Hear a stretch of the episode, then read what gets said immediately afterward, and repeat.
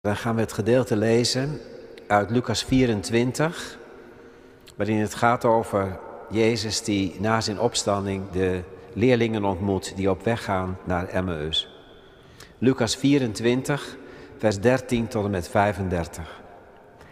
Diezelfde dag gingen twee van de leerlingen op weg naar een dorp dat Emmaus heet en 60 stadie van Jeruzalem verwijderd ligt. Ze spraken met elkaar over alles wat er was voorgevallen. Terwijl ze zo met elkaar in gesprek waren, kwam Jezus zelf naar hen toe en liep met hen mee, maar hun blik werd vertroebeld, zodat ze hem niet herkenden. Hij vroeg hen, waar loopt u toch over te praten?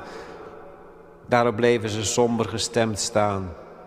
Een van hen, die Cleopas heette, antwoordde: Bent u dan de enige vreemdeling in Jeruzalem die niet weet wat daar deze dagen gebeurd is? Jezus vroeg hen: Wat dan? Ze antwoordden: Wat er gebeurd is met Jezus uit Nazareth, een machtig profeet in woord en daad in de ogen van God en van het hele volk. Onze hoge priesters en leiders hebben hem ter dood laten veroordelen en laten kruisigen. Wij leefden in de hoop dat hij degene was die Israël zou bevrijden, maar inmiddels is het de derde dag sinds dit alles gebeurd is. Bovendien hebben enkele vrouwen uit ons midden ons in verwarring gebracht. Toen ze vanmorgen vroeg naar het graf gingen, vonden ze zijn lichaam daar niet en ze kwamen zeggen dat er engelen aan hen waren verschenen. En de engelen zeiden dat hij leeft. Een paar van ons zijn toen ook naar het graf gegaan en troffen het aan zoals de vrouwen hadden gezegd, maar, maar Jezus zagen ze niet.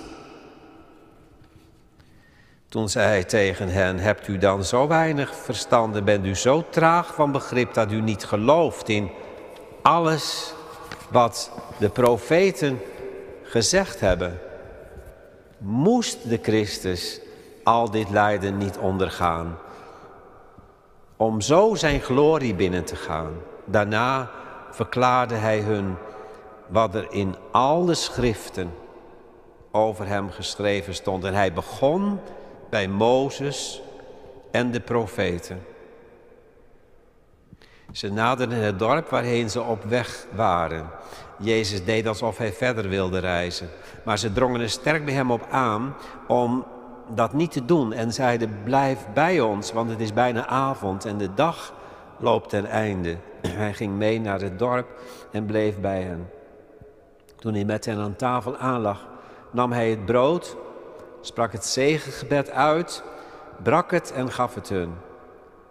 Nu werden hun ogen geopend en herkenden ze hem. Maar hij werd ontrokken aan hun blik. Daarop zeiden ze tegen elkaar: brandde ons hart niet toen Hij onderweg met ons sprak en de schriften voor ons ontsloot. Ze stonden op en gingen meteen terug naar Jeruzalem, waar ze de elf en de anderen aantroffen, die tegen hen zeiden, de Heer is werkelijk uit de dood opgewekt en Hij is aan Simon verschenen. De twee leerlingen vertelden wat er onderweg met hen gebeurd was en hoe Hij zich aan hen kenbaar had gemaakt door het breken van het brood. Tot zover de lezing. En de verkondiging gaat over de versen 25 tot 27. Waarom verstaan jullie niet alles wat door de profeten is gezegd? Moest de Messias al dat lijden niet ondergaan om zo zijn glorie binnen te gaan? Daarna verklaarde hij hun wat er in al de schriften over hem geschreven stond. En hij begon bij Mozes en de profeten. Lijden als doortocht moest de Messias al dat lijden niet ondergaan om zo zijn glorie binnen te gaan.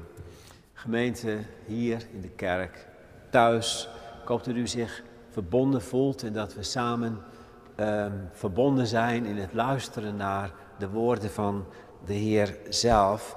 Ja, want dat uh, weet ik niet of u dat, jij dat ook wel eens gehad hebt, maar um, dat, dat, had ik, dat had ik zelf uh, wel al heel lang geleden, herinner ik me. En misschien al wel toen ik kind was, dat ik dacht, wat zou ik, wat zou ik dat mooi gevonden hebben om, om daar zelf bij te zijn. Hè? wat hier verteld wordt in dit verhaal, dat, dat ik daar ook bijgelopen had. Ja, en dat Jezus dan zichzelf aan, aan mij, aan ons ook zou bekendmaken, natuurlijk als de opgestaande, de levende, dat zou helemaal geweldig zijn, maar dat, dat bedoelde ik dan nog, nog niet eens.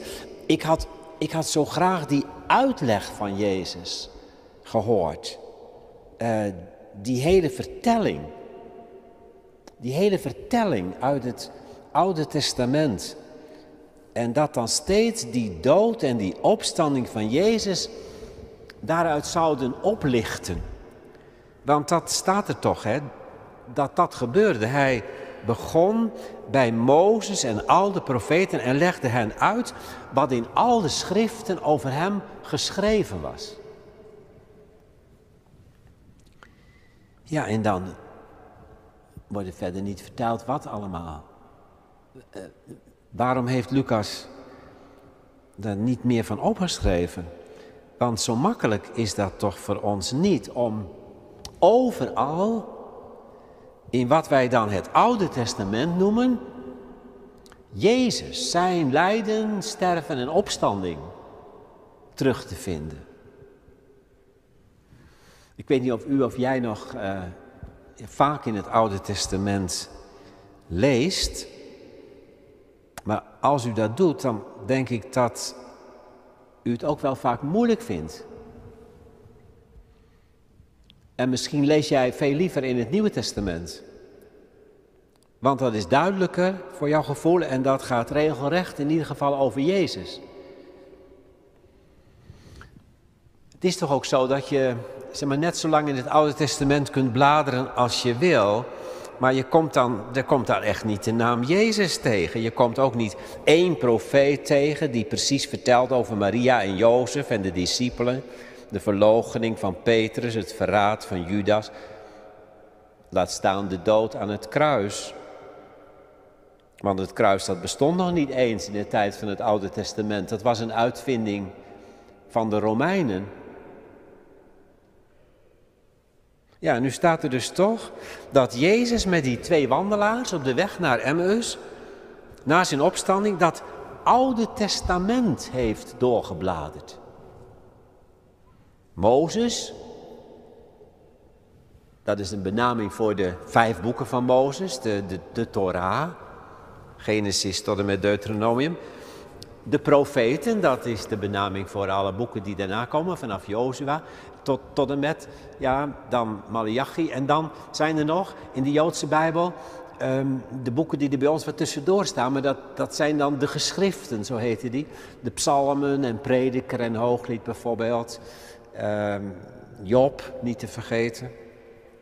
Dus Mozes en al de profeten en de geschriften. En, en Jezus die bladert daar als het ware zo wat doorheen. En elke keer, net als hier zo bij, bij, bij, dat, bij dat kruis wat hier staat met die luikjes. Elke keer gaat er een soort luikje open. En als Jezus dan het luikje open doet in het Oude Testament, dan zien ze ineens weer. Ja, zo moest het dus. Zo moest het dus door de dood heen naar het, naar het leven. Dat, dat, dat, dat, wat wij nu zo niet konden begrijpen, dat hij moest lijden en sterven, dat, dat, dat, dat moest wel, want dat, dat zit al in het Oude Testament. Als je dat luikje open doet, dan, dan zie je het al daar gebeuren. Maar ja, hoe dan? Eh, in al die geschriften. Dat, dat gaat dus niet om een enkele tekst, want dat weten we misschien ook nog wel. Sommige van de ouderen hebben misschien vroeger op school uh, bepaalde teksten geleerd voor de lijdenstijd, waarin het lijden van Jezus werd voorzegd. Hè? Zoals Jesaja 53, natuurlijk zo'n hele bekende tekst, Jesaja 53. Uh, als een schaap werd hij ter slachting geleid als een lam dat stemmeloos is voor zijn scheerders. Zo deed hij zijn mond niet open. Uh, dat gaat dan, zeggen we, helemaal over dat lijden van Jezus. Ja, maar goed, dat is maar één tekst, dat is één hoofdstuk. Hè? Maar, maar hier staat al de schriften, het totale Oude Testament. En dan denk ik, ik zou daar graag bij geweest zijn. Of ik zou willen dat Lucas er wat meer van opgeschreven had. En dat vraag ik dan, ja, als, als geïnteresseerde. Ehm, iemand die graag wat meer van de Bijbel wil weten. Ik denk dat is ook niet verkeerd natuurlijk om dat zo te vragen. Maar misschien, ja, misschien dat, dat dat dan toch nog even te veel op afstand is. Want we moeten wel even wat meer inzoomen nog op die mensen om wie het hier gaat. Hè? Dat zijn niet mensen die, zeg maar, uh, behoefte hebben aan een bijbelcursus. Uh, en dan het willen snappen, zeg maar, van als we nu de Bijbel dan een beetje beter begrijpen, dan snappen we het allemaal zo. Op dat niveau speelt het zich niet af. Hier zijn mensen, maar dat kan ook heel goed met ons natuurlijk zo zijn, die, ja, die niet op het niveau van het verstand zozeer het niet snappen, maar die ook met de dingen in de knoop zitten. Hè? Dat is natuurlijk nou weer een ander verhaal. Je kunt zeggen, de Bijbel vind ik een moeilijk boek, omdat ik ja, die teksten en hoe het er allemaal staat en zo, ik vind het vaak ook lastig om te begrijpen. En dan kun je misschien inderdaad een Bijbelcursus volgen. Dat is helemaal niet verkeerd, daar word je altijd wat wijzer van. Maar het kan ook zo zijn dat je op een andere manier nog zegt, ik vind het moeilijk. Dan, dan bedoel je, ik, zit, ik, ik, ik zit er eigenlijk mee in de knoop. Ik zit met het hele leven in de knoop. Ik zit met God in de knoop. Ik, ik snap ook helemaal niet goed als ik de Bijbel lees hoe ik dan zeg maar daar ja, die knoop ontward zou kunnen worden. Nou ja, als, als we zo met die, dat zijn meer de existentiële vragen, zo met die vragen zitten, dan denk ik dat we precies uh, wel in de buurt zijn ook van deze mensen en van het gesprek dat Jezus met hen voert. Hè? Um, want deze mensen zitten dus ook totaal in de knoop met God, met het leven, met zichzelf. Want dan, dan denk je dat je iets van God gezien hebt in Jezus. Want wat deed hij niet een bijzondere dingen? Wat kwam het licht niet schijnen in het donker van veel mensenlevens? En wat wat koester je dan niet hoop dat het, dat het, dat het door zal breken en, en dat er dus echt eh, al die beloften van, van die profeten van vroeger in vervulling zullen gaan en dat die nieuwe wereld zal komen. Eh, recht en gerechtigheid en vrede. En, nou ja, dan moet hij toch minstens koning worden om dat voor elkaar te krijgen, want om iets te bereiken moet je macht hebben, toch? En wat is er gebeurd? Hij is aan een kruis als een vreselijke crimineel daar ter dood gebracht. Dat is onvoorstelbaar. En nu snappen we niks meer. Van God niet, van Jezus niet, van ons eigen geloof niet, van de Bijbel niet. We snappen er niks meer van. Ja, en dan vertelt het verhaal dus dat Jezus ineens bij hen zich voegt als de opgestane in een gestalte die anders is natuurlijk, want hij is niet teruggekeerd, hè, dat weet u natuurlijk ook. Hè. Hij is niet teruggekeerd naar dit leven precies zoals dat hij was. Hij is verheerlijkt, hij is in een nieuwe, hij is, hij is al terug, hij is al terug naar de Vader gegaan, in de heerlijkheid, in de, de majesteit van God is hij. Maar hij komt dan weer en hij voegt zich even bij hen. En dan zou je denken, nou, als hij ze helpen wil, laat hij dan meteen zeggen: Oh, joh, niet zo verdrietig, ik ben er, ik ben er. En hun ogen open en ze zien hem, maar dat gebeurt er dus niet. Expres staat er, worden hun ogen gesloten gehouden dat ze niet zo hem kunnen zien. Ja, waarom expres dan? Nou ja, omdat het de bedoeling is dat ze door dieper in die Bijbel te gaan zitten, in, in hoe God altijd gehandeld heeft met zijn volk, dat dat van de bodem verstaande, dat ze dan ook gaan zien dat deze weg die Jezus gegaan is van lijden en dood naar heerlijkheid, de weg was die hij moest gaan. Ze zien hem nu nog niet, expres niet, God verhindert dat. Want ze zullen hem op een andere manier zien, namelijk doordat de Bijbel voor hen open gaat. En dat is natuurlijk ja, raar eigenlijk, hè? dat je denkt, nou ja goed, dan had Jezus meteen zich kunnen laten zien en daar waren ze van het probleem af geweest. Maar misschien, gemeente, dat dit nu juist zo verteld wordt, ook als een geweldige troost voor ons. Want ik begon met te zeggen, uh, ik zou er graag bij geweest zijn.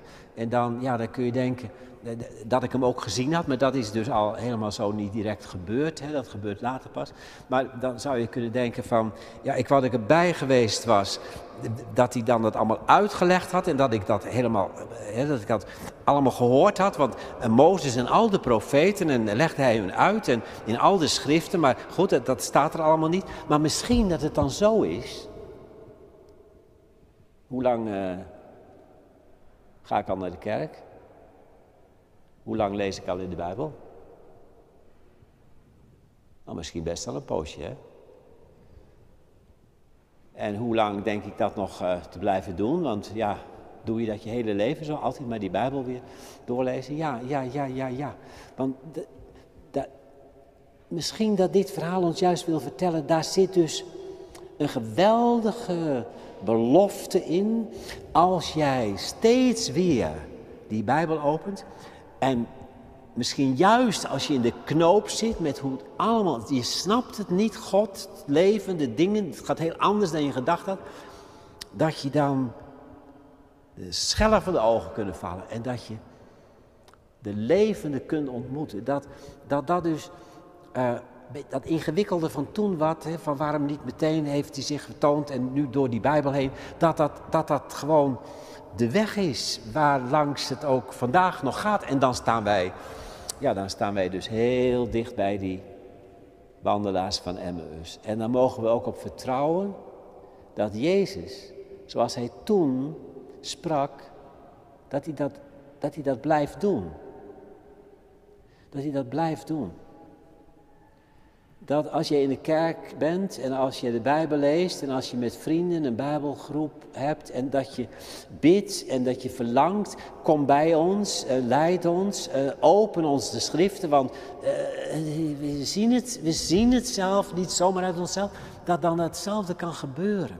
Dat, dat die Bijbel open gaat en dat je hart gaat branden en dat je denkt, ja maar nu zie ik het. Ik herinner mezelf ook wel trouwens nog van van mijn studententijd af dat we ook zo'n eh, groep hadden bij de CSFR, Bijbelkringen. Bijbelkringen, wat mooi dat soms was. Van dan ineens, dan ging ik er ook vaak zo even heen, nou ja, helemaal nog niet aan gedacht en niet zo voorbereid en zo. En ineens verplofte je zo eh, op de bank ergens in zo'n kamer en dan zat je er ineens met die Bijbel. Eh, maar dat, dat, dan, dat het dan zo wonderlijk was dat er soms echt iets ging gebeuren. Dan las je dat en dan had je het erover en dan ineens was het alsof er luikjes open gingen inderdaad. Dat, nou ja goed, en dat is dan ehm, in die tijd dat je misschien nog allerlei ontdekkingen doet in de Bijbel, ook als je jong bent, gewoon ook van wat staat er eigenlijk, maar, maar later ook kan het ook dieper gaan zeg maar in hele bijzondere omstandigheden. Hè? En dat, dat is ook voor ons denk ik herkenbaar. Ehm, dat we dat wel meegemaakt hebben of dat we dat ook wel gehoord hebben van anderen. Dat inderdaad, juist ook in van die hele moeilijke omstandigheden van, van dood en, en lijden en pijn en duisternis, die Bijbel zo open kan gaan dat je, niet, dat je niet gaat zeggen, ja, als op een Bijbelcursus, oh ja, fijn, ik snap het nu. Maar dat dan regelrecht dat woord in jouw hart binnen gaat vallen alsof God zelf tot je spreekt, alsof Jezus zelf bij je is. Nee, hij is dan bij je. Hè? Nou goed, dat voorbeeld zou ik kunnen noemen, bijvoorbeeld dan van Psalm 23, is natuurlijk een heel bekend voorbeeld. Maar ook wel ja, bemoedigend even goed om ons te binnen te brengen. Hoeveel rouwkaarten heb ik niet gehad in de loop van mijn leven waarboven stond, de Heer is mijn herder. Psalm 23. En dan kun je dat natuurlijk overschrijven met een van de anderen zo is niet bij iedereen even diep, dat weet ik wel. Maar, nou, maar het is toch ook wel heel vaak wel diep. Ik, ik heb heel vaak ook uh, mensen ontmoet die zo um, in het laatst van hun leven, in, in het dal van de schaduw van de dood, waar het in die Psalm 23 ook over gaat, ervoeren dat die herder met die staf er was om en te vertroosten en hen voor te gaan door het water van de dood heen naar de overkant. Uh, geleid door de, door de goede herder. Ja. Dus dat dat. Eh, en, eh, dus dat is het Oude Testament. Hè? Ik had het net over het Oude Testament. Maar Jezus gaat dus vanuit de schriften, vanuit het Oude Testament, gaat hij allemaal duidelijk maken. En dan, ja, dan zien ze hem. Ze zien bij wijze van spreken die, die goede herder op Psalm 23. Die door, niet onderomheen, maar die door het dal van de schaduw van de dood trekt. En dan voorgaat. En dat is dus iets dat elke keer weer opnieuw kan gebeuren, gemeente. En ook gebeurt. De opgestane Jezus leest voor uit het Oude Testament. En dan zien ze hem zelf. Ja, um, leest voor uit het Oude Testament. En als, heb ik genoemd even, uh, zo'n Psalm 23. Uh, maar dan zou ik natuurlijk ook nog wel aan iets anders kunnen denken. En ik denk vooral dan nu, als ik uh, bij stilsta dat het, uh, ja, dat, dat het paasfeest is waarop Jezus deze dingen allemaal vertelt. Dan denk ik, dat ligt er wel zeer voor de hand. Dat hij het dan ook over dat centrale van die uittocht en die doortocht gehad heeft. Want hij begint, staat er ook, hè, bij Mozes en al de profeten en de geschriften. Dus dat staat ook bewust zo vooraan. Hij begint bij Mozes. En Mozes, dat is dus de Torah. En Mozes, dat is dus dat boek dat, dat, dat, dat, dat vertelt van die, van die uittocht en die doortocht. En ja, het is nu Pasen. Jezus is gestorven rond het paasfeest. Hij lag in het graf tijdens de grote uh, sabbat van Pasen. En, en toen is hij opgestaan op die ochtend daarna. Dus ja, wat ligt meer voor de hand dan dat Jezus nog eens met hen ook begonnen is over dat verhaal van die uittocht en die doortocht door het water heen. Het centrale verhaal. Jullie vonden het zo vreemd hè, dat ik nu door de dood heen, dat het door de dood heen ging naar het leven. Maar is het ooit anders gegaan met ons volk? En kwam ik niet om alles te vervullen wat daar geschreven staat? Ja, maar dat is dan misschien tegelijk ook het, het probleem. Hè? Um, in die zin, die uittocht, die doortocht, die bevrijding, dat leven, dat is prachtig. Maar dat het met zoveel ellende ook gepaard ging. Ja, en dat was toen toch ook zo. Ik moet zeggen, gemeente, ik heb dat nog eens opnieuw gelezen. En toen kwam dat ook heel sterk bij mij boven. Kijk, het verhaal van de uittocht en de doortocht, dat, dat kun je natuurlijk heel positief. Hè? En toen uh, kwam er een sterke wind en er kwam een pad door de zee. En inderdaad, we hebben ervan uh, gehoord aan het begin van de dienst al. En Mirjam ging zingen met trommels en tamboerijnen. Zing de Heer, want hij is hoog verheven. Het paard en zijn ruiter stortte hij in zee. Prachtig, prachtig, prachtig. Dat zijn de, dat zijn de positieve tonen van dit verhaal. Maar als je nu het geheel leest, dan is er zoveel wat vragen oproept. Zoveel. Ik las het nog weer eens opnieuw, zo vanaf het begin, hè, Exodus. Uh, van uh, dat, volk, uh, dat volk Israël in Egypte dus. Dat steeds meer verdrukt gaat worden. En die uh, farao, ja, die willen gewoon een soort genocide uitoefenen hè, op een gegeven moment. Alle jongetjes in de Nijl gooien. Nou ja, dan sterft dat volk uit op de deur natuurlijk.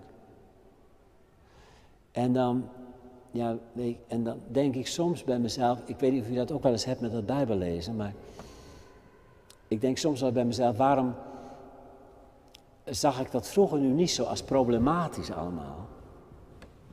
Want dat heb ik dus heel vaak, hè, dat ik nu na zoveel jaren in de Bijbel te lezen, veel meer de neiging heb om te zeggen: waarom, waarom, waarom, waarom, waarom? Terwijl ik dat vroeger allemaal maar zo, ja, ja, dat staat er zo en dan neem ik dat zo aan. Nee, dus waarom in de zin van, kijk, dan uh, worden die jongetjes in de naal gegooid. Nou, moet je even over nadenken. Wat vreselijk. Ja, die ene wordt gered, hè. Dat ene jongetje, Mozes. Natuurlijk prachtig. Dat is prachtig. Maar een zee van ellende eromheen. Al die andere ouders, jongetjes dood. Oké, en dan Mozes. Uh, ja, maar dat duurt een poosje. Dan, uh, dan wordt hij ouder en dan gaat hij dus proberen om zijn volk te bevrijden, maar dat mislukt. Hè? Hij slaat een Egyptenaar dood en dan uh, zien ze dat en dan moet hij vluchten. En, nou ja, goed.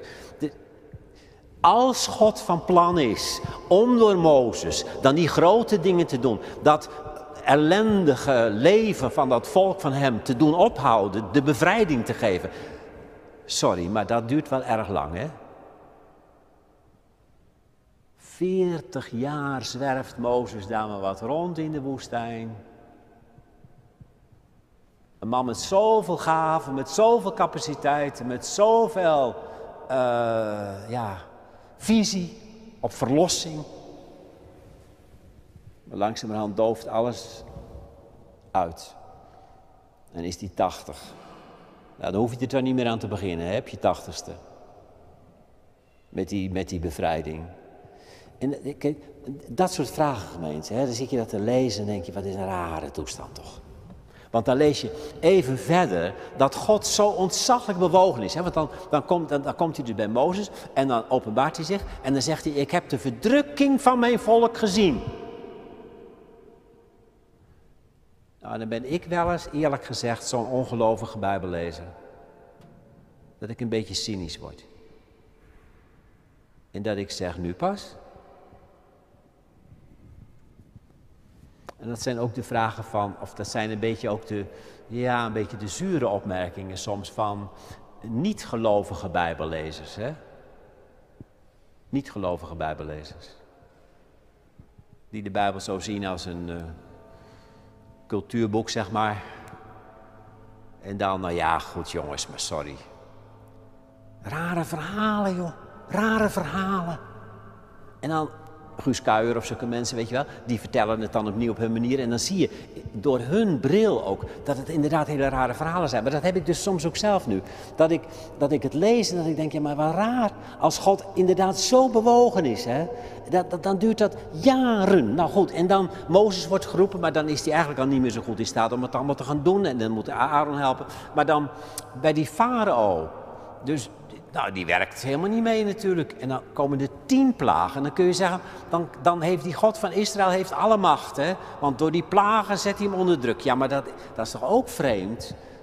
Want niet alle macht dus. Het is een soort gevecht. Het is een soort gevecht waarbij je denkt, je moet maar zien wie het wint. Want de tiende keer pas. En dan drukt God door, zou je kunnen zeggen. En dan komt dat vreselijke van dat alle eerstgeboren kindertjes in het hele land gedood worden. Dat is toch ook nogal wat. Kun je zeggen, ja, dat heeft die farao zelf nu zo langzamerhand aan zichzelf te danken, maar een beetje overdon. En dan worden die, worden die Joodse kindertjes ook bang gemaakt. Want ja, die, die, die doodsengel die gaat dus rond en dan deze nacht, maar als er dan bloed aan de deurpost is, dan zal het hier voorbij gaan. En dan, ja, dan is er zo'n verhaal van zo'n jongetje, zo'n Joods jongetje is bang. En dan ga je even kijken nog, midden in de nacht wordt hij wakker, kijkt hij nog even. Ah, gelukkig, het bloed is aan de deurposten. Uh, kan weer, kan, ik kan weer gaan slapen, maar... Angst en ellende. En jarenlang. En als ik toen, hè, dat, denk ik, dat denk ik dan wel eens. Ik weet niet of u dat ook wel eens denkt. Maar kijk, wij weten de afloop van het verhaal en zo. Maar als ik toen geleefd had. En ik had toen in die periode van die 40 jaar dat Mozes daar door die woestijn zwierf. Elke keer gezien dat het gewoon niks opschoot. En dat die farao nog gewoon allemaal doorging. En dat die jongetjes dus verdwenen in de Nijl. Al die tijd door. Dan weet ik niet of ik nog wel uh, het geloof bewaard had hoor. Echt niet. Echt niet. Dus ja, wat, wat, eh, wat is nu de lesgemeente van dit eh, exposé ook even zo? Nou, dat als je, als je eh, erin duikt in Mozes en al de profeten, en nu hebben we het even over Mozes, maar als je erin duikt, wat dat dan is, wat daar allemaal verteld wordt, dan is dat ook gewoon zoveel wat onbegrijpelijk is. Zoveel waaroms. Zoveel dat zeg maar, die waaroms die die Emmausgangers nu hebben, uh, ja, die, uh, moet je daar nu van zeggen, ja, die, die passen daar wel helemaal bij. Uh, waarom moest Waarom moest Jezus dit alles lijden? En zo pas. Waarom was er niet een rechte weg? Ja, waarom? Waarom gingen ze die rare... Dat is ook nog zoiets aan het eind van dat verhaal van die uittocht dan. Hè? Dan, dan, dan, dan, dan, nou, dan, dan eindelijk is het dus zover. En dan in die nacht, dan kunnen ze dus eruit. Maar dan komen ze voor de Rode Zee. Hoezo? Wie heeft dat bedacht? Wie had, wie had zo'n slechte kaart? Dat hij dacht, die, dat kan toch niet joh? Je gaat toch niet het volk uitleiden en dan kom je dwars voor de zee te staan? Daar is toch geen pad? Er zijn andere wegen hoor. Je kunt heel anders uit de Sinaï zo uh, in Israël gaan komen. Dan hoef je echt niet voor de Rode Zee te gaan staan. Waarom? Het, het wemelt van de waaromsgemeente. Als je gewoon leest. Als je het verhaal van Israël leest, van Israëls benauwdheid, van Israëls angst, van Israëls ongeloof ook. Ja, natuurlijk dat ook van alles, als je het hele verhaal leest van Israël, als je het hele Oude Testament leest, dan is het eigenlijk één boek van waarom en, en wat is er nu uiteindelijk van terecht gekomen. En nu, nu ben ik gekomen, zegt Jezus, om in die hele weg van die duisternis en van die waaroms en van, van dat al dat onbegrijpende wat er ligt, daar, daar helemaal in te gaan zitten. En helemaal met die smurrie daarvan bedekt te worden. En zo het achter me te laten. En zo een doortocht naar het nieuwe land te volbrengen. Ja, het grote verhaal van Pasen. Het is letterlijk omspoeld door waaroms. En nu zegt Jezus tegen de Emmausgangers en tegen alle die er soms helemaal niets meer van snappen. Kon het anders dan dat ik door dat vreselijke, onbegrijpelijke van kruis en lijden heen moest gaan? Alle waarom vragen. dus van toen en van mij die het nu zit te lezen. En waarom, ja, dat heb ik net nog niet zo gezegd, maar dat is natuurlijk wel, wel helder. Hè? Eh, waarom lees ik nu ook vaak zo in die Bijbel al die dingen waarvan ik denk, ik snap het niet. Waarom, waarom en beetje, beetje, beetje negatief soms. Omdat ik ook dat in het leven natuurlijk ontmoet heb. Omdat ik ook door de jaren heen steeds gedacht heb, ja, maar dat mooie verhaaltje wat ik vroeger had toen ik jong was, hè, want dat was bij mij wel zo. Ik weet misschien is dat bij jou helemaal niet zo hoor. Maar bij mij was dat wel zo. Toen ik jong was, had ik zo'n soort kloppend verhaaltje over het geloof in mijn hoofd. Van dat, het, uh, dat het allemaal wat klopte, zeg maar. Dat het wat mooi was ook en goed was. En uh, niet te veel vragen stellen. Maar nu heb ik soms zoveel vragen. Ja, en dan, dan, dan lees ik dus ook in de Bijbel die vragen meer terug, weet je wel. Dan krijg je die wisselwerking natuurlijk. Veel waaroms als ik de Bijbel lees. Veel waaroms als ik om me heen kijk. Veel waaroms als ik verhalen van mensen hoor. En nu wil Jezus dus volgens mij dit zeggen, gemeente. Alle waarom vragen moesten nog één keer samenkomen. In dat hartverscheurende waarom. Wat ik aan het kruis heb uitgesproken. Mijn God, mijn God, waarom hebt gij mij verlaten? En toen kwam er geen antwoord. dat is nu precies het punt voor die Emmausgangers, hè? ook. En toen stierf hij. En de spotters zeiden, laten we kijken of Elia komt. Hij heeft geroepen, Elia, Elia. Elia komt dus niks. Afgelopen. Kijk, en door die diepte moest het heen, zegt Jezus. Waarom moest Jezus zo zwaar lijden? Om alle waaroms van het Oude Testament en al onze waaroms tot de zijne te maken. En zo, niet anders, moest hij in zijn heerlijkheid binnengaan. En nu vanuit die heerlijkheid kom ik u opzoeken, zegt hij. Kom ik u troosten. Niet met antwoorden op al uw vragen, maar met mijzelf. Ik ben erbij. Ik zal bij u zijn tot aan de voleinding van de wereld. Ik zal bij u zijn in brood en wijn. Wanneer hij het brood met hen breekt, dan worden hun ogen geopend. En dan herkennen ze hem. Maar dan is hij ook meteen weer uit hun gezicht weg. Was ons hart niet brandende in ons, zeggen ze, toen hij onderweg tot ons sprak en de schriften opende. Wat was ik daar graag bij geweest om het hele verhaal te horen? Nou, vanmorgen heb ik toch wel de kern van het verhaal gehoord. Want hij was zelf ook nu in deze uitleg van de schriften bij ons. En hij zal bij ons zijn door woord en geest. Hij die de opstanding en het leven is. Alle Bijbelverhalen, ook die Bijbelverhalen die bij, niet alleen bij Guus Kuijer, maar ook bij u heel veel vragen oproepen en soms cynisme. Al die Bijbelverhalen, ook die meest gruwelijke, onbegrijpelijke, getuigen van Hem die kwam om het meest gruwelijke, het meest onbegrijpelijke aan zichzelf te laten voltrekken.